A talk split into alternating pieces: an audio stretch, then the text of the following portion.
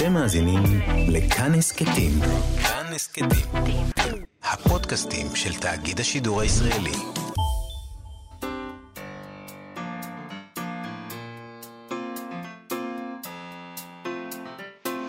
מה שכרוך עם יובל אביבי ומה יעשה לה. שלום, צהריים טובים, שמחות שהצטרפתן אלינו למה שכרוך, מגזין הספרות היומי של כאן תרבות ב-104.9 ו-105.3 FM. אנחנו, ענת שרון בלייס ומאיה סלע, איתנו באולפן רועי קנטן וקשת מאירוביץ' שעושים איתנו את התוכנית. שלום ענת. שלום מאיה, צהריים. טובים. צהריים טובים, אנחנו מצטרפות היום לחגיגה בינלאומית סביב uh, הספר חיי השקר של המבוגרים. הרומן החדש של אלנה פרנטה, שירי אור מחר, אה, בלמעלה מ-20 מדינות בו זמנית. אה, שם מצוין, חיי כן. השקר של המבוגרים. בדיוק. אנחנו נורא תומכות, מעניין, אגב. אנחנו תומכות, אנחנו משקרות, תומכות ב... משקרות וממשיכות כן. לשקר. אני אגיד לך מה מעניין בזה, כשאני קוראת ספר כזה ואני המבוגרים, כן. אז אה, אין מה לעשות, אני חלק מעולם המבוגרים, אבל כשאני קוראת ספר כזה, וכשאני קוראת כותרת כזאת, חיי השקר של המבוגרים, אני מיד, שוב, הילדה הזאת שמסתכלת על מבוגרים, שהם? לא אני. את זוכרת, מתי שיקרת בפעם הראשונה? כי גם פה זה קורה, הרי ההורים שלה מלמדים אותה להיות ילדה טובה, תלמידה טובה. ללכת בדרך הישר, ומתישהו היא מבינה שלא כך הם פני הדברים. נכון. ואני, לא, היא נאלצת, לחשוב, uh, לא היא נאלצת לשקר uh, בעצם כדי להמשיך להיות ביחסים עם הדודה שלה. עוד מעט נכון. נדבר מה קורה שם. את זוכרת מתי uh, שיקרת בפעם אני הראשונה? אני לא זוכרת כרגע, אבל אני אחשוב על השאלה הזאת. טוב, כן, גם אני לא זוכרת כרגע. מדוע ולמה נאלצתי לשקר בפעם הראשונה? טוב, אז אנחנו עושים לפרנטה חגיגה, שכמובן שהיא גם חגיגה שיווקית, כי ברור שברגע שאומרים פרנטה, אז יקנו את הספרים שלה בכל uh, מקום. אפשר למכור את זה גם, נראה לי, במאפייה הקרובה, כמו לחמניות, uh, אבל מגיע לה, מגיע לה, ולאור ההצלחה הבינלאומית של סדרת הרומנים הנפוליטנים, או בשמם האחר, החברה הגאונה, ששני החלקים הראשונים שלה כבר היו סדרות טלוויזיה, והם כבר שודרו, ועכשיו ממשיכים לעבוד כמובן על הסדרה, על העונה השלישית והעונה הרביעית, וגם הספר החדש כבר נמכר לנטפליקס. אה, אז הערב יתקיימו פה בארץ אירועי קריאה מקוונים בקוף, זאת אומרת, דרך הפייסבוק והזום. אחד מהם אה, יהיה בחנות הספרים סיפור פשוט, ושם חברי קבוצת התיאטרון של רות קאנר, שאם אתם לא מכירים אותם, אתם מפסידים. כדאי, כן. כדאי מאוד. הם יקראו את אה, פרנטה, וזה יהיה, נראה לי ממש מעניין אותי לדעת איך הם יעשו את פרנטה. בפייסבוק של חנות המגדלור בתל אביב תקרא הסופרת ג'וליה פרמנטו. וגם בחנויות נוספות ברחבי הארץ, ולמשל במילטה ברחובות, שם גם יהיו, אה, ישמיעו לכם, אם תבואו לקנות אה, מוזיקה נפוליטנית, וגם יכבדו אתכם באוכל נפוליטני. או, עכשיו הם מדברים. בדיוק. וב-17 בספטמבר, שזה עוד כשבועיים, יתקיים אירוע חגיגי וגדול יותר במשכנות שאננים בירושלים. גם יועבר בזום, ואולי כבר עד אז אפילו אפשר יהיה ללכת ולשבת שם אם חלק מאירועי התרבות יהיו פתוחים אה, אז לקהל. אנחנו, אז אנחנו נמצאים בקרנבל, אלנה פרנטה והספר החדש שלה, שאתה יודע, אלנה פרנטה היא אירוע מולי, אבל עדיין כן. אנחנו מדברים פה על רומן, אז בואי נדבר על, על הרומן, מה יש כן. בו בעצם? רומן uh, מאוד מעניין ומאוד מוצלח, שתינו מאוד אהבנו אותו. נכון. טוב, אנחנו שוב בנפולי, מאיה, אנחנו שוב עם uh, גיבורות נשים, ושוב עם סיפור התבגרות של נערה צעירה, הפעם זאת uh, ג'ובאנה. בתחילת הספר היא בת 12 ובסופו היא בת 17, ואני, לטעמי, מעין החלאה של אלנה ולילה מסדרת הרומנים. יכול להיות שיש כאלה שיגידו שזה לא נכון, אבל אני חשבתי שהיא סוג של החלאה. בדומה לאלנה, גם כאן הגיבורה מתעסקת עם ספרים, עם לימודים, כן, לא, ובסוף היא תהפוך uh, לסופרת. Uh, ואגב השם של הספר, אז להפוך לסופרת זה גם אומר שאת צריכה לנסח מחדש את היחס בין מה זה אמת ומה זה שקר, כי ספרות לצורך העניין זה שקר טוב. Uh, ומעשה אומנות דורש, דורש נכון. את השקר הזה, וזה נמצא גם פה בתוך הספר הזה, בין השורות. אבל בניגוד לספרים קודמים, הפעם לא מדובר פה על uh, ילדות מבתים עניים מרודים, כמו שהיא תיארה בחברה הגאונה, בעיקר את הבית של לילה. ז'ובאנה מגיעה מבית uh, בורגני, יחס, לא עמיד, אבל יש לה הורים עובדים, מלומדים, אבא שלה גם חוקר, אינטלקטואלים, כן. מקיימים uh, מפגשי חברים שבהם הם רבים על עניינים פילוסופיים. חשוב להם, כל הבית מלא בספרים, והם גרים בנפולי לצורך העניין של מעלה. אפטאון, הם באפטאון, כן. כן. ואילו ויטוריה, שתוך כמה עמודים נחשפת, והיא בעצם הגיבורה המשמעותית השנייה, הדודה של ז'ובאנה, האחות המוקצת של האבא, אה, היא אה, גרה בנפולי של מטה, היכן שגרים באמת האנשים הפשוטים, העניים, שרובם, אגב, לא יודעים בתקופה הזאת לפחות קרוא וכתוב. אה, אז ויטוריה היא דודה שנואה. נכון. אה, אני, אני אגיד, היא, היא זאת שבסופו של דבר ההורים לא בקשר איתה, כן. האבא לא בקשר עם אחותו, כל המשפחה הזאת לא בקשר, והיא גם לא מכירה את הדודה שלה. אה, נאמר עליה, אבל מד... כשמדברים עליה, מדברים עליה כאל אישה, אה, על אישה מכוערת ורעה. ויום אחד כשאבא של ג'ובאנה כועס עליה, ילדה בת 12, הוא אומר לאימא שלה, כשהוא חושב שהיא לא שומעת, הוא אומר לה, היא מקבלת את הפרצוף של ויטוריה. האישה הזאת, שתמיד אמרו עליה שהיא מכוערת ורעה. כן. הוא כמובן לא יודע שהיא שומעת, וזה מטלטל את עולמה, והיא דורשת להכיר את הדודה, ומכאן מתחילה עלילה מפותלת, שבה נחשף שקר אחד ונולד שקר אחר, ובין השקרים יש איזה צמיד ש... היה שייך פעם לסבתא, אולי היא נתנה אותו, למי, איפה הוא, שיחות על סקס, אהבה, בגידות, אה, וגם רוברטו אחד, שבו הגיבורה מתאהבת, בחור מלומד שנושא דרשה בכנסייה ושובה את ליבה, והרצון להתקרב אליו שולח אותה לקרוא וללמוד, מה שיוביל אותה להיות סופרת. אבל, וזה כן. אבל מאוד מאוד חשוב, בתנאי שהיא גם תלמד להשתחרר מהרצון להקסים גבר. כלומר, שהכתיבה והקריאה תהיינה עבור עצמה. כן, שזה דבר מאוד מעניין. אגב, אה, נעימה ששון כותבת שירים, את יודעת. את מתחילה אולי בגלל הגבר או בגלל מישהו אחר, אבל בסוף את צריכה להגיע לנקודה שבו את אומרת, זה בשבילי אני עושה ולא כדי להקסים אף אחד אחר. אה, זה לא פשוט להגיע, להתפתח למקום הזה, וזה מעסיק את אלנה פרנטה כל הזמן, הנושא הזה, שאת מתאהבת באיזה גבר, אבל מתי את הופכת להיות אישה וכותבת וקוראת בזכות עצמך.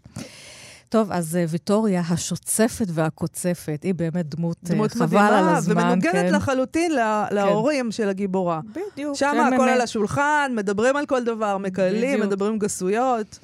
Uh, והיא זאתי שמניעה את העלילה, וגם מניעה את ג'ובאנה להתפתח. בשלב מסוים זה הזכיר לי uh, את האגדה על היפהפייה הנרדמת, ששם האחות של המלך, גם כן לא הוזמנה לאיזה מסיבת יום הולדת של הנסיכה, ואז המלך, אה, זאת אומרת, המלך מחרים אותה, ואז היא בעצם מקללת אותה, ולכן היא נרדמת. אה, אז פה יש איזושהי מין קללה דרך הצמיד הזה אולי, גם אנחנו לא יכולים לעשות לכם יותר מדי ספוילרים. אה, אבל מה שהיא אומרת לג'ובאנה, אני חושבת כבר בפגישה הראשונה, באותה פגישה שג'ובאנה דורשת מההורים שלה, אני רוצה להכיר את הדודה, מי זאת הדמות המסתורית הזאת? היא אומרת לג'ובאנה, את צריכה לא סתם להסתכל בעולם, את צריכה להתבונן. להתבונן, למקד את המבט, ורק ככה את באמת תראי את הדברים, תחשפי את השקרים, תכירי באמת את האנשים. שזאת הוראה מצוינת לתת כן. לאדם ש... שרוצה להיות uh, כותב נכון, בעתיד. נכון, להתבונן. Um, אז uh, עכשיו, עוד דבר שגם בספר הזה, uh, אגב ההתבגרות, uh, יש פה עוד יותר אפילו טיפול בנושא הזה, אני חושבת הרבה של המראה ושל היופי, זה גם מאוד יעסיק את אלנה ולילה, ופה זה מאוד מעסיק את ג'ובאנה. והיא באמת ב, ב, בחיים, במקום הזה בחיים שבו השינוי גוף הוא מאוד דרסטי. הגוף משתנה, יש פה אין ספור עמודים שמציינים את גודל השדיים שלה, של הקרובים שלה, של החברות, של האימא, למי יש גדולים, למי יש קטנים, בעיקר הרבה הרבה שדיים גדולים. Uh, וגם, כאמור, שוב, כמו בספרים הקודמים, אלימות פיזית כלפי נשים, גם בין גברים לבינם, אבל הרבה אלימות פיזית כלפי נשים, למרות שאנחנו כבר בשנים מאוחרות יותר מאלנה ולילה, זה עדיין נמצא פה, וזה דבר שמאוד מעסיק את פרנט, גם כשמדברים איתה עליו, על המודעות לזה שאיך מפסיקים את האלימות הפיזית. אז, אז בוא נגיד, הסיבה לכך שמדובר באירוע מו"לי בינלאומי הוא כמובן אה, זה שאלנה פרנט היא אירוע מו"לי. הספרות, ש... הספרים שלה כן. היו רב-מכר גדול, שני, כולם, ארבעתם. אה, יש כמובן את כל העניין של הזהות הלא ידועה שלה, והבלשות סביב הדבר הזה, שזה כמובן דבר שמאוד היום, מעניין כן. אנשים, את כולם. העיתונאים באיטליה עושים מזה ממש כתבות תחקיר. אה, השאלה האם היא גבר או אישה היא מאוד uh, עקרונית, כי תחשבי שיגידו לנו שגבר כתב את זה, זה מאוד ירגיז אותנו, חוצפה. למרות שאת יודעת, כש... ברור שכשאני קראתי את הספר הזה עכשיו, את זה, אמרתי לעצמי, לא, גבר לא יכול לכתוב כן. דבר כזה, לא יכול להיות שמישהו יכול לראות. אבל תארי לך שכן, וכמובן השאלה האם היא באמת מנפולי, או לא, ואם היא לא מנפולי, אז, אז גם חוצפה. אנחנו היום חיים באיזה מין עידן כזה שאנחנו טובים מהאדם שיכתוב רק על הדבר שהוא מבין, רק על כן. המקום שממנו הוא בא. אני לא, אני לא יודעת אם הייתי כועסת אם, אני, חוש- אם היו אומרים לי שגבר כותב את זה. אולי דווקא הייתי מאושרת. וואו, איזה גבר, שיהיה בן זוג שלי, חבר שלי, אחד שזה כזה, היה- שמבין כל כך טוב את הנשיות ואת הגוף הנשי. אני חושבת שזה היה מאוד מאוד מכעיס הרבה נשים ברחבי העולם, ומאכזב. אה, אוקיי, אז בוא נגיד שלקראת צאת הספר הזה התקיים בגרדיאן ראיון עם אלנה פרנטה, כלומר, הפנו אליה שאלות מרחבי העולם, והיא ענתה, בהתכתבות כמובן, אנחנו לא יודעים מי היא, אה, עדיין לא חושפת את זהותה. בין היתר, היא נשאלה על ידי אסתי ברנצר, מוכרת ספרים מישראל, לא פחות ולא יותר.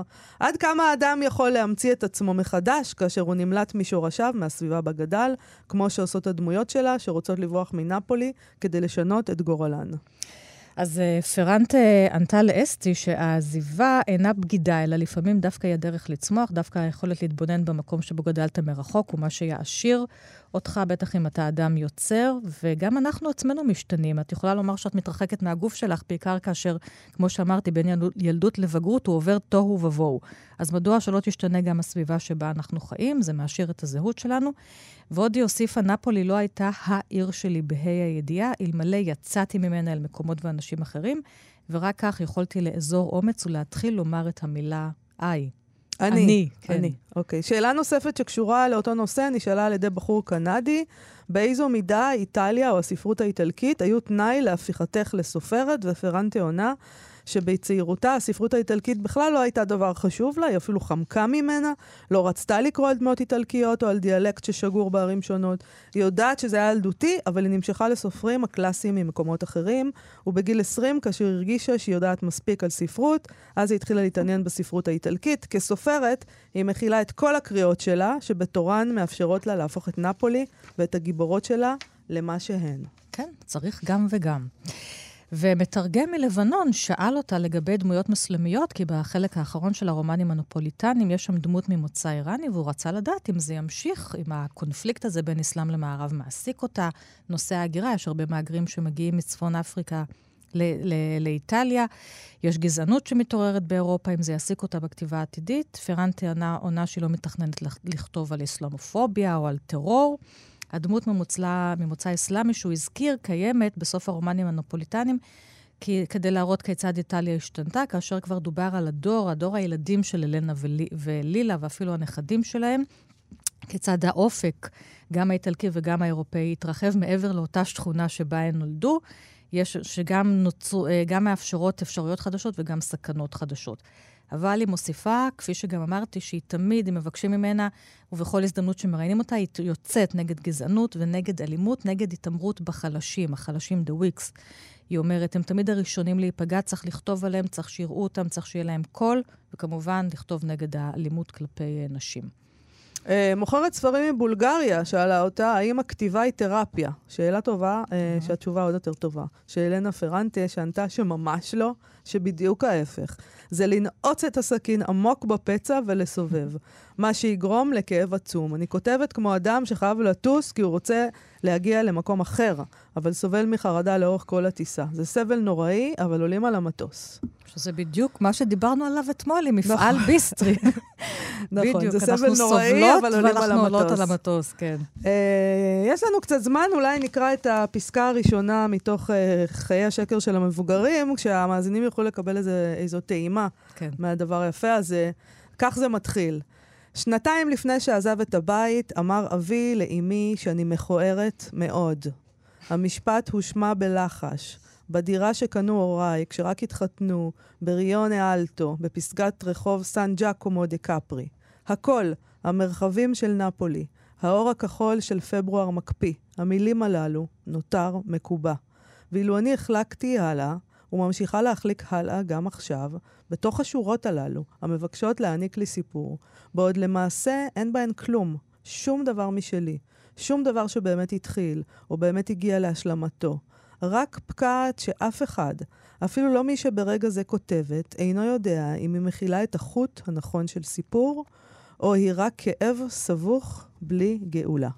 ככה זה מתחיל. כן, תחשבי מה זה כשאת מעריצה את אבא שלך, ואז את שומעת אותו בלחש אומר לאימא שלך. נורא.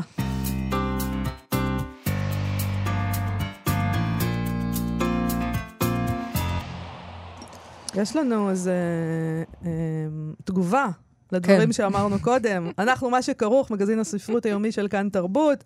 אה, דיברת מקודם על זה שיש המון אה, שדיים פה בספר הזה, חדש של אלנה פרנטה, נכון? המון, כן. המון אז, אה, סקס, המון... נכון. אז מאזין כתב לי, כך. כן. כל ההתמקדות בשדיים רק מגבירה את החשד שגבר כתב את זה. ולא הוסיף. ולא הוסיף. אולי ולא זה הוא. אולי זה הוא שכתב. עד כמה שהודיע לי, הוא לא יודע איטלקית, אבל יכול להיות שזה השקר הגדול של חייו. סחטיין על השיר, מה היה?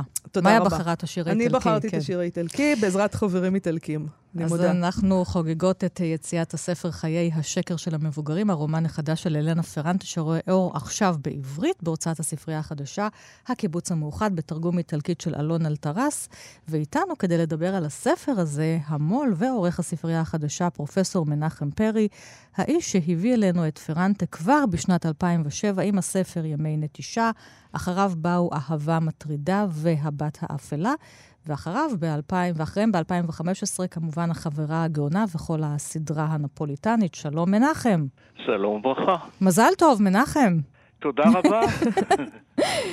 מנחם, אנחנו פתחנו את התוכנית uh, בתיאור כללי של מה שקורה בספר הזה, uh, כן. חיי השקר של המבוגרים, ומעניין אותי מה אתה חושב על הגיבורות החדשות האלה של פרנטה, אוקיי, על ג'ובאנה הספר ועל הזה- הדודה. הספר הזה אכן הרבה יותר נועז אה, מבחינת החוויות ה... אה, מיניות. של הגיבורות. כן. אה, אני חושב שפרנטה השתחררה יותר. קרה משהו באיטליה אה, בין לבין, שיצא יצא הספר של ספיאנצה. אה, אומנות השמחה. אומנות השמחה.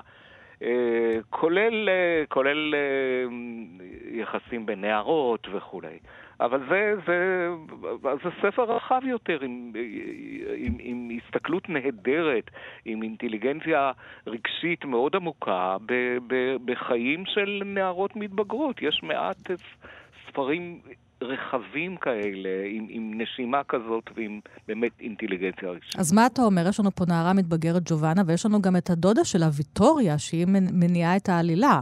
כן. איך אתה רואה אותן מול, נאמר, אלנה ולילה, שעד כה חיינו איתם. עכשיו יש לנו עוד שתיים להכניס לחבורה. כן, הן מאוד מאוד שונות. אה, אה, ג'ובאנה היא ילדת שמנת, כן.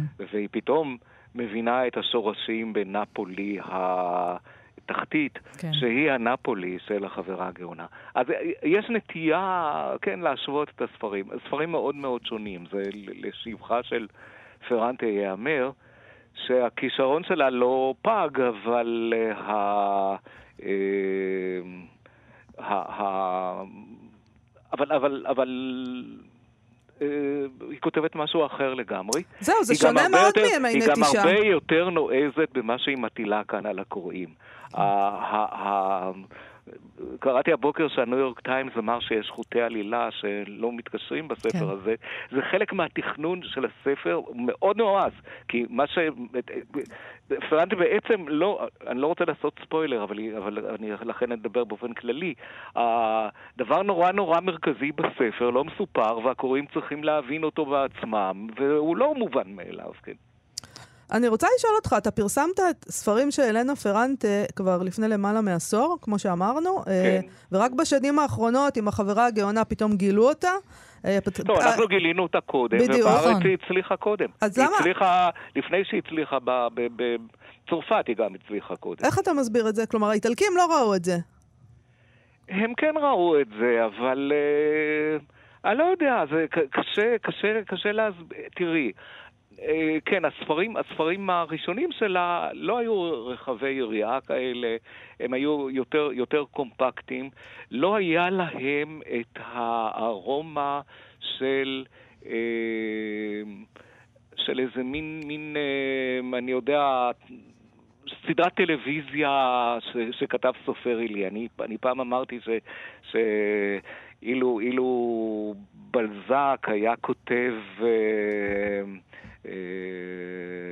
אני יודע, לנטפליקס. מה? לנטפליקס. כן, אז, אז זה היה יוצא רמה של פרנטה, כן? זאת אומרת, כן. כן, כן אבל, אבל יש משהו כזה, ב, במיוחד בחברה הגאונה. למרות גם- שמנחם, ה- הנושא של היחסים של אמהות ובנות, היא הראשונה, אני חושבת, שלקחה את זה באמת למקומות האפלים, אגב השם של הספר, הבת האפלה. כן. זה, מה שהיא עשתה, לא עשו סופרות לפניה כמעט. בק- כן, בקטנה, אבל, זה... כן, אבל שאלת למה, זה לא- למה זה לא היה בום באיטליה? כן, א', זה נכון. כן הצליח, זה הצליח מאוד באיטליה. או בום אבל בכל- לא, בום בכל אבל, העולם. אבל, אבל כרגע זה בום בכל כן. העולם, עם 30 אה, ארצות ו-27 מהדורות, ו... ו אז ו- רגע, אז בואו בוא ננסה להבחין. יש, יש מה שנקרא ספרות מצוינת וטובה, לא שמאיה ואני לא חושבות את זה, ויש תופעה מולית, שסופר הופך להיות תופעה מולית, כמו ג'יי קיי רולינג עם הארי פוטר. כן. תסביר לנו מה קורה פה עם פרנטה, כי זה מה שקורה. היא הפכה להיות תופעה מולית, לא משנה מה שהיא לא תכתוב עכשיו, יש בום סביבה. כן, אבל אם היא תכתוב רומן לא טוב, אז תהיה גם מפולת. משום כן. שכאן אוהבים גם, לה, לא, לא רק לפלחן, אלא אוהבים גם להפיל. Uh, כך שאסור לה לכתוב משהו לא טוב.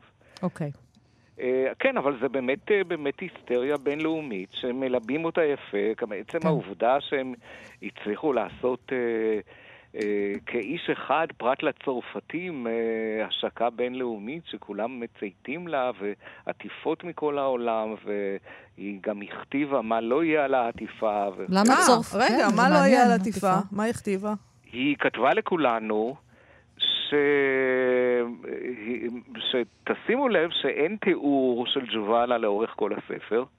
אה, זה צריך להישאר די פתוח אם היא יפה או לא יפה או כל הדברים האלה. ואם תשימו תמונה של מישהי על העטיפה, כל הקוראים יתארו לעצמם כן. כך את ג'ובאנה, ואני לא רוצה שיתארו לעצמם. אז היו כאלה שעקפו את זה, כמו המהדורה האנגלית-אמריקאית, שהם בעצמם המו"לים, אותם, אותם מו"לים הם המו"לים שלה, שעשו איזה מין חצי פנים וכל מיני דברים כאלה. אנחנו לקחנו את זה נורא ברצינות. וקיבלנו שבחים אדירים על העטיפה נכון. שלנו, שהיא אחת ביניהם אחת הטובות ב... ב- בתצלום של לב בעולם. אה, פציו. מאוד מאוד אה, יפה, משהו, זה ממש רמז של מופשט כזה, של איזה כן, קטע כן. משהו. מטושטש. בדיוק. כן, כן, מאוד מאוד בדיוק, יפה. אבל זה גם, גם כאילו איזה מבט שעוקב, איזה מבט מסתורי וכולי. הייתה פרשנות שלמה של העטיפה, שאני לא, לא זוכר אותה, בתגובה שלהם, כי הם אמורים לאשר את העטיפה, בתגובה של פרנטה ושל המו"ל שלה. ואני שמחתי משום שבכל העטיפות הקודמות היו לי בעיות איתה. אה, היא לא- היא לא הסכימה? היא צריכה לאשר את העטיפות, והיא אמרה לי, אני לא מבינה מה שאתה עושה, ו- ובסוף היא אמרה, טוב, אתה מכיר את הקוראים שלך יותר טוב ממני, אבל, בס- אבל עכשיו, כשעמדנו לקנות את הזכויות על הספר הזה, אז הזכירו לנו שהיא לא אהבה את העטיפות שלה. רגע, אני רוצה להבין, אתה מתכתב איתה באופן ישיר, היא כותבת לך, או זה דרך סוכנים? לא, זה דרך המו"לים שלה באיטליה. אה, חבל. לא, כי אה, היית בסדר. עוד יכול אה, לפתות אותה, לספר לך- לספר לך מי היא היא. תראי, אני, ברור לי לגמרי שהיא לא גבר. או, ברור כן? לי לגמרי. אוקיי. וגם ברור לי לגמרי שהיא לא אניטה ראיה שאומרים שזה היא, בארץ מסלפים את שמה ואומרים אניטה רג'ה, זה ג'יי, ג'יי באיטלקית, זה בורות ישראלית אופיינית, אניטה ראיה, היא גם לא אניטה ראיה. אה, היא זאתי סוג- שהיא סוג שהיא סוג שמולית. האינטלקטואליות של אניטה ראיה, כן. היא לא סוג ה- ה- ה- אה, אי-אינטלקטואליות של אלנה פרנס. הבנתי, אוקיי. אני רוצה לשאול אותך לגבי אה, כתיבה נשית. אה, בסוף השבוע הזה, סיפרנו מקודם, פורסם ראיון ארוך איתה עם פרנטה בגרדיאן, שכלל כל מיני שאלות ממתרגמים אה, ומוכרי ספרים מרחבי העולם, ובין היתר היא נשאלה על אה, מה דעתה על כתיבה נשית. אה, והיא ענתה שאין לה בעיה עם ההגדרה הזאת, אם מתייחסים אליה בזהירות. מה, מה דעתך, אתה, על כתיבה נשית? אוי, באמת, לא ניכנס לזה. אבל למה, מנחם, אתה אני- אחד האנשים שהרחיב את המדף שלנו עם, עם נשים סופרות. באמת, השאלה אתה אם זה כתיבה כן. נשית. תיכנס לזה קצת. אני ממש אה, שונא את הדיונים האלה. הפמיניזם אוקיי. זו תנועה נורא נורא חשובה. אני חושב שאני הייתי אחד הפמיניסטים הראשונים, או שלפני שנים, אני מעולם לא קיבצו לי ומעולם לא גייצו לי. אה, אולי רק לפני 60 שנה, כשהייתי אימא שלך, נער. כן. אה, ו- ו- וכולי, אבל ה- ה- העיסוק בספרות במשקפיים האלה הוא נראה לי אחד הפשעים הגדולים של המאה ה-20. אוקיי, okay, אז אני רוצה לשאול אותך, נעבור למשהו אחר. Uh, הפעם יש לך בספר הזה קרדיט uh, של עורך מאיטלקית. דבר שלא היה בספרים הקודמים. ש... כן, אבל היה עורך הספר מנחם פירי. נכון. ואז כל מיני אנשים אמרו לי, כל מיני אנשים לא הבינו, חשבו שאני עושה מה שעושים רוב העורכים בארץ. שהם פשוט לוקחים את התרגום שיש להם ומגהצים אותו, עושים את העברית יותר טובה וכל מיני דברים כאלה. מגהצים פה, מגהצים שם, ואני יודע שאם מגהצים, אז יש צילופים נוראים, אי אפשר לתאר מה שהולך. צריך להשוות מילה במילה למקור, ואם אתה לא יודע, לא יכול לקרוא את המקור, אז אל תערוך את הספר. וכל מיני אנשים אמרו לי, מה, אתה עורך מאיטלקית? לא הבינו מה שאני עושה, נמאס לי. אז אני, אני אה, כל חיי אה, הייתי אה, מתרגם צללים של, של. רבים מהתרגומים שהוצאתי. ורציתי לרמוז על כך. אז זה מביא אותנו לשאלה האחרונה. בסוף השבוע הזה, במסגרת פסטיבל מטולה למשוררים, אתה זוכה לאירוע מחווה לכל פעילותך, לכתב העת סימן קריאה, להוצאת הספרייה החדשה, שהיא באמת ההוצאה המשובחת אה, פה במדינת ישראל, לכל הפעילות הספרותית שלך. ולפעילות המחקרית. ולפעילות המחקרית, כן, נכון, גם כן. חוקר ספרות. וגם ו... העמיד דורות של תלמידים. של תלמידים ושל כן, חוקרים ושל סופרים. כן, ודן מירון דיבר על המחקרים שלי, כולל על דברים שלא מכירים בארץ, ודן מירון הרי מכיר הכל, כן. כולל דברים שהתפרסמו לו בעברית בחוץ. אז, אז ואתה מ... מעביר בימים אלה את הארכיון שלך לספרייה הלאומית. כן. אה, אז, אז מה שרצינו לשאול זה, האם אתה מרגיש שהגיע הזמן לסכם, או, או שכופים עליך עכשיו לסכם?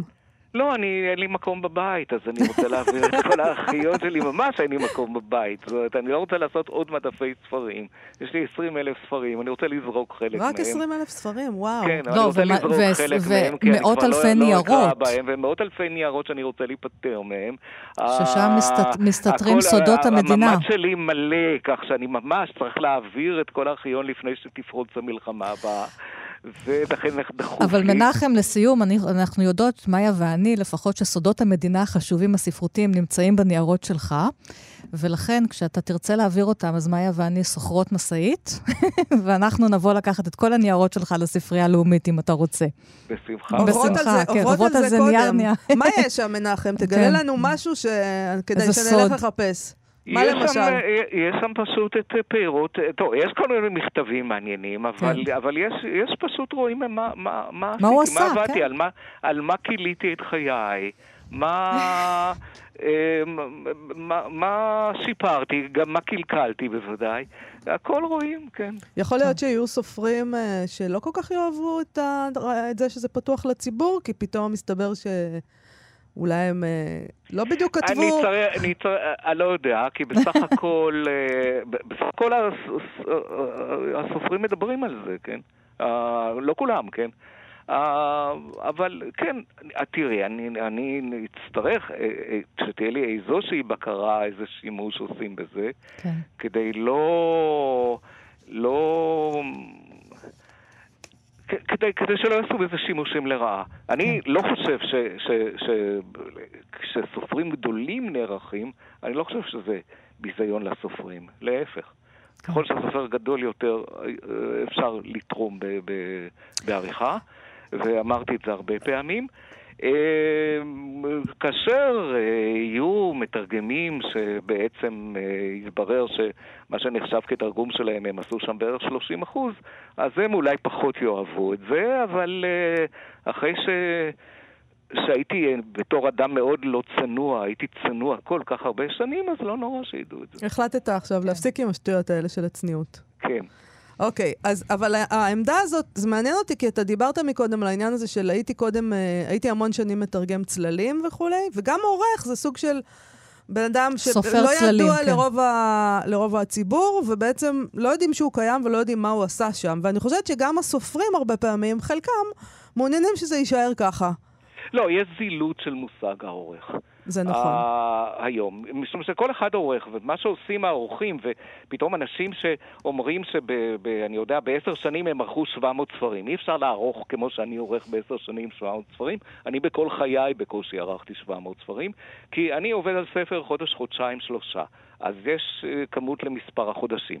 האורחים האלה בוחרים את הספר, אומרים אולי לסופר איזה שתיים שלוש הערות, ובזה נגמר העניין, כן? כן, נכון. Uh, עכשיו... אורחים מהסוג שלי לא היו רבים, היה ברנר עורך מן הסוג הזה, שלונסקי היה עורך מן הסוג הזה, ביאליק היה עורך מן הסוג הזה, ונילי מירסקי הייתה עורכת מן הסוג הזה.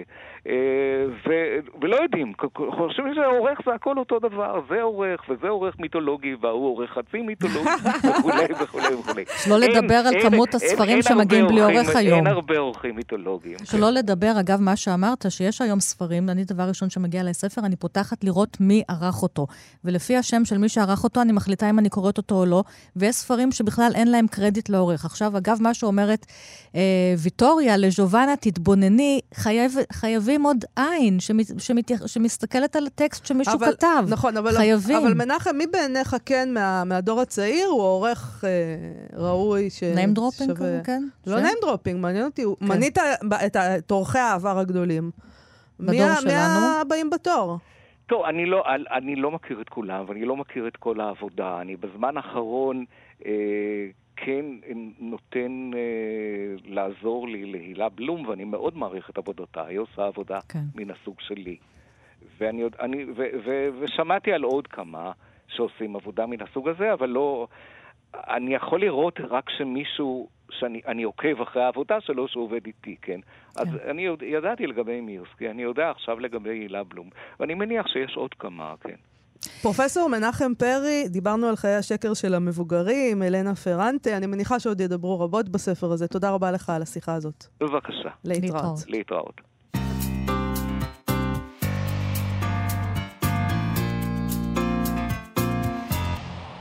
כאן תרבות, אנחנו מה שכרוך, מגזין הספרות היומי שלכם, עם ספר חדש של ליאור שטרנברג, הלחם, המלח. מבחר שירים מ-1999 ועד 2019. עשור של שירה בעצם, מבחר שיצא בהוצאת... 20 שנה. נכון, 20 שנה. 20 שנה. כן. עוד מעט נדבר איתו על, uh, על לימודים, כי הוא גם מורה, uh, לא למתמטיקה אמנם, אבל אולי אני צריכה. Uh, מדובר במבחר שיצא בהוצאת מוסד ביאליק, נגיד. ליאור שטרנברג הוא משורר, מתרגם, מורה לספרות, כמו שאמרתי, יליד 1967, זכה בעבר בכל מיני פרסים, uh, בפרס ראש הממשלה למשל, פרס נתן יונתן לשירה. אה, פרס דוליצקי.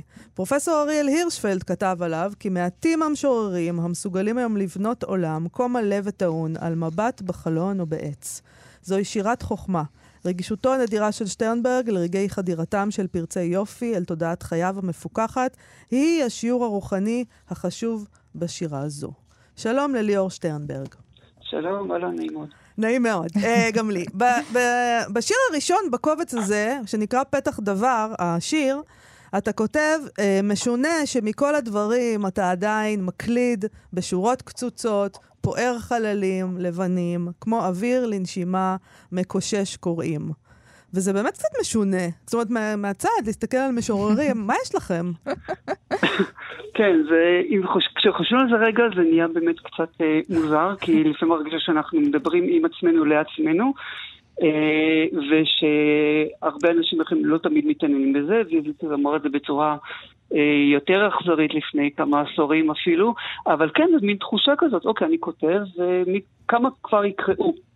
אז אה, אני חושב שמתוך הרגע הזה נולדו השורות שעכשיו את אה, ציטטת את זה, ואני נותן לזה מקום, וממשיך הלאה, כי אם אני אה, אקשיב לזה יותר מדי, אני אשתתק לגמרי, אבל נתתי לזה מקום. אבל מה זה הצורך הזה באמת? זאת אומרת, אז, אז אוקיי, קוראים אין הרבה, ככה זה בארץ, אז מה זה כן הצורך הזה? אתה יודע להגדיר אותו? של אדם שכותב שירה והוא ממשיך, כי, כי זה מה שהוא עושה. זה, וואו, זה, זה ממש קשה להסביר, זה, אני חושב שזה מגיע קודם כל מאיזשהו מקום של צורך מאוד חזק בביטוי עצמי, כלומר, אתה רוצה לצאת החוצה, אתה רוצה להגיד משהו שהוא חשוב לך. זה נראה לי מניע מאוד מרכזי בהתחלה, בוודאי של שירה. אה, אחר כך זה כבר מתחילים עניינים, שלבים שמנסה לעשות את זה הכי טוב שאתה יכול. נכנס הצד האומנותי, אתה מנסה צורני, להיות יותר טוב כן. ויותר טוב הצורני, להשתכלל. אה, כלומר, הרצון הבסיסי ישנו שם, והוא מתחיל לקבל מעטפת של, אה, טוב, בואו נראה מה אני עושה בעצם. אז מחר מתחילה שנת הלימודים, ואתה גם מורה לספרות uh, בתיכון. ויש לי אה, כמה חברים שהם כמוך מורים לספרות בתיכון, והם מספרים לנו, למאיה ולי, שהמצב נכון. בכי רע. יש לי חבר שאמר לי שזו קטסטרופה מוחלטת, שיש קיצוץ מאוד ניכר כן. בשעות הלימוד של הספרות, אני מדברת. כן. מה אתה אומר על הדבר הזה? אה, תשתדל שלא יפטרו אותך בגלל הרעיון הזה. אני אשתדל. כן. אה, ספציפית, במקום שבו אני עובד הרבה מאוד שנים, אני פחות מרגיש את זה. כלומר, אני מרגיש שהספרות מקבלת את המקום שלה, ולא מקצצים אותנו, ואנחנו צריכים להקים קבוצות שמגמת ספרות כל שנה, וזה עובד מצוין. אה, יכול להיות שיש מקומות אחרים בארץ בתי ספרים שמצב יותר גרוע. אולי בעיקר יכול להיות שיש קיצוצים שאני פחות יודע עליהם, או למשל בתי ספר שיותר מתקשים נגיד אה, לפתוח מגמות לספרות, ואז בעצם הלימודי ספרות הם מאוד מינימליים. אתם לא מתקשים? זאת אומרת, יש לך מספיק תלמידים? אנשים רוצים בזה?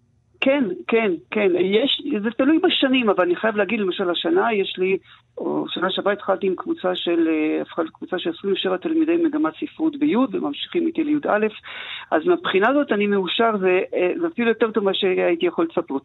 אנחנו אה, נסביר למאזינים למה, כי בין, למשל, אחד התלמידים שלך, אור בן אסולי, שהוא קולגה שלנו פה, נכון. שהוא שמע שאנחנו הולכים לראיין אותך, כן, הוא אמר, וואו, זה היה המורה הכי כיפי שלי, כן, הכי טוב. כן, לפני שעלינו לאולפן, הוא פתאום שמע את כן, השם, והוא נורא התלהב. לכן באים אליך.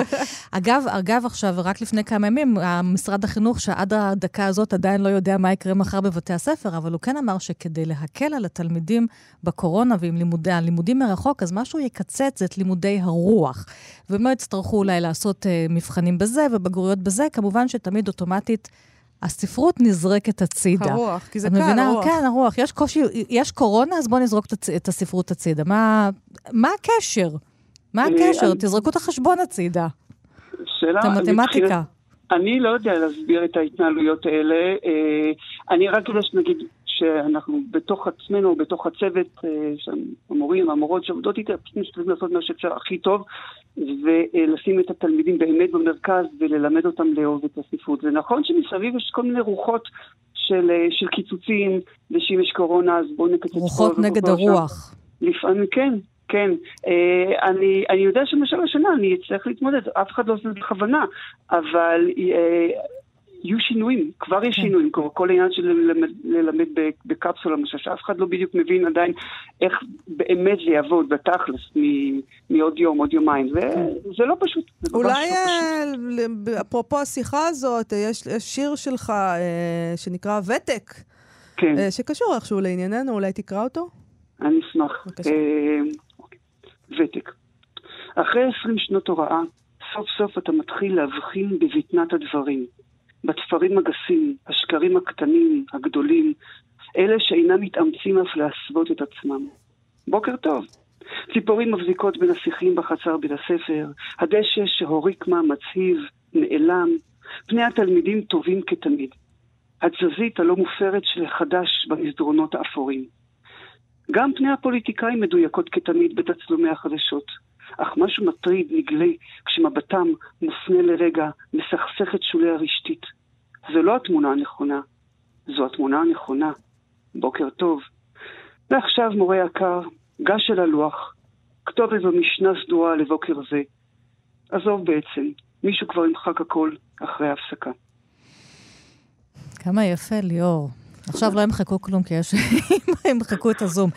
ליאור, יש לך באמת אה, לא מעט ספרי שירה שאתה הוצאת, אה, החל מ-1999, ואתה גם מתרגם, צריך לדעת, באמת מתרגם של, של מיטב המשוררים, אה, שימו סיני, המשורר האירי, חתן פרס נובל, וטוני קרטיס, גם משורר אירי, ופטריק קוונה, ואתה גם מתרגם פרוזה, בין היתר, את גצבי הגדול של פיג'רלד לאחרונה. מה, למה הרגשת שאתה צריך באמת לאסוף את כל ה... את מבחר השירים למין בית כזה, ספר גדול כזה? אמ, אתה אדם צעיר, יש לומר. כן, כן, האמת שזו שאלה טובה. קודם כל הרגשתי שעברה תקופה, המחשבה רצה לי בראש. בכל זאת, אה, אה, כבר בכל כמעט 20 שנה, עוד לפני שהתחלתי לכנס את השירים האלה וכמה ספרים, אבל נכון שאני עדיין צעיר. אה, אבל אני לא בטוח שהייתי עושה את זה לבד אם לא הייתי מקבל הצעה, פשוט פנה אליי, פנה אליי דן מירון והציע לי, ומאוד שמחתי, והוא אה, המליץ אה, למוסד ביאליק אה, הכניס את זה, הציע את זה שם למערכת, והמערכת קיבלה את זה, ואז בא, אמרו, הצעה, אוקיי, בוא, בוא תעשה מבחר, וזה די קשה לעמוד בפיתוי הזה. אז uh, הלכתי על זה, ואני שמח על זה, וזה לא הסוף, כלומר, אני מניח שיהיו עוד ספרים בהמשך, אבל מין סיכום ביניים כזה, לכן אגב זה מבחר ולא מה שלפעמים אומרים קולקטד או חס וחלילה או משהו כזה, כי אני לא, לא שמה בכלל. אז אתה כותב עוד, זאת אומרת, אתה גם יצא ספר חדש, זאת אומרת, כן. זה כאילו עד 2019, אז יש שם גם דברים חדשים? אה, בטפטופים יותר קטנים, אני מודה. איך בוחרים שירים מ-20 שנה? אה, וואו, אה, חזרתי לספרים, קראתי, זה היה לי מאוד מעניין, בייחוד הספרים הוותיקים יותר, לקרוא אותם, לראות מה עוד עובד ורלוונטי מבחינתי. ובניתי לעצמי ככה קובץ שחזרתי אליו שוב ושוב, כל פעם הוספתי, שיניתי, עפתי, החזרתי, עד שככה פחות או יותר הייתי שבע רצון, אבל זה, זה קשה, אבל איכשהו היה לי די ברור מה, איזה שירים מהספרים אני רוצה להכניס שוב. כלומר, איזה הם חשובים לי יותר. איזה, זה, תגיד, חיי משורר, זה חיים של תסכול ומרמור? לא, יוצא ספר, אני, תראה, אני מקבלת המון המון ספרי שירה, ומעט אנשים, זה מעניין אותם, זה בטח נורא. כן, באיזשהו צד אחד שלי אני מתעלם מזה, כמו שאמרתי גם קודם, אחרת אני באמת אתעצבן, אבל בצד אחר כן, זה תסכול. זה... מורכב, כי נגיד, נגיד אנחנו חיים בתוך הפייסבוק, אז נגיד הפיד שלי מורכב מהרבה מאוד אנשים שזה מה שהם עושים ומתעניינים, אז נראה שכאילו המון אנשים כן. מתעניינים בזה. אבל זה לא נכון לגבי המכלול. ו- וזה קצת מבאס, זה, זה, זה נכון. לפי הפיד שלי בפייסבוק, איימן עודה הוא ראש הממשלה, אז אתה יודע, אוקיי. אי אפשר לסמוך על הדברים האלה. אז, אז, אז אני, אני מודע לזה, אז, והנה, נגיד יוצא ספר חדש, אז תמיד יש את ה... אוקיי, אז ידברו על זה, אולי יקנו את זה, ומצד שני אני די ריאליסטי, ואני יודע שאם הספר הזה נגיד ימכור מהדורה, נהדר, יופי, אני אהיה מאוד מאוד שמח. אה, ולהבדיל, אני יודע שנגיד בעולם הפרוזה הרבה יותר קל, אתה יכול אה, אה, להוציא ספר והוא... והוא יצליח בגדול, יכתבו עליו, ויקנו אותו הרבה.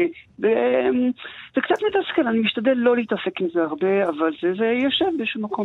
אבל אני רגיל לזה. בסוף אני חושבת על שירה כמשהו שאתה צריך להגיע לאדם אחד, איזושהי שיחה עם אדם אחד, כמו כל המציל גם. נפש אחת, וזהו, וההמונים שיחכו. ממילא לא במובן... כותבים שירה להמונים. ככה אני... מסכים. אני, אח, אחרת באמת היינו כותבים, אני חושב. טוב, אז ממש. עכשיו uh, היום חם במיוחד, למעלה מ-40 מעלות. כמה זה בירושלים? דומה. דומה. אז אתה כן. תקרא לנו בבקשה שיר על בריכה, הבריכה כן. הלימודית. קצת כן, נתרענן. כן, זה, זה אחד מהשירים החדשים בקובץ, זה באמת מתייחס ל... לבריכה לימודית אמיתית ש... מאיה ואני פה שמות את הביקיני, רק רגע, חכה. בבקשה. הבריכה הלימודית מאחורי בית הספר היסודי יד לבנים. מה עוד אפשר לזכור? היינו בני שש ולמותנינו חגור, מצופים עשויים קלקר. אורנו משוח בשמש וכלור. הזמן תיאטע, מהיר, איטי, המים היו תהום כחולה שאורנים השאירו לתוכה מחטים. העולם קטן כמונו ופרטי.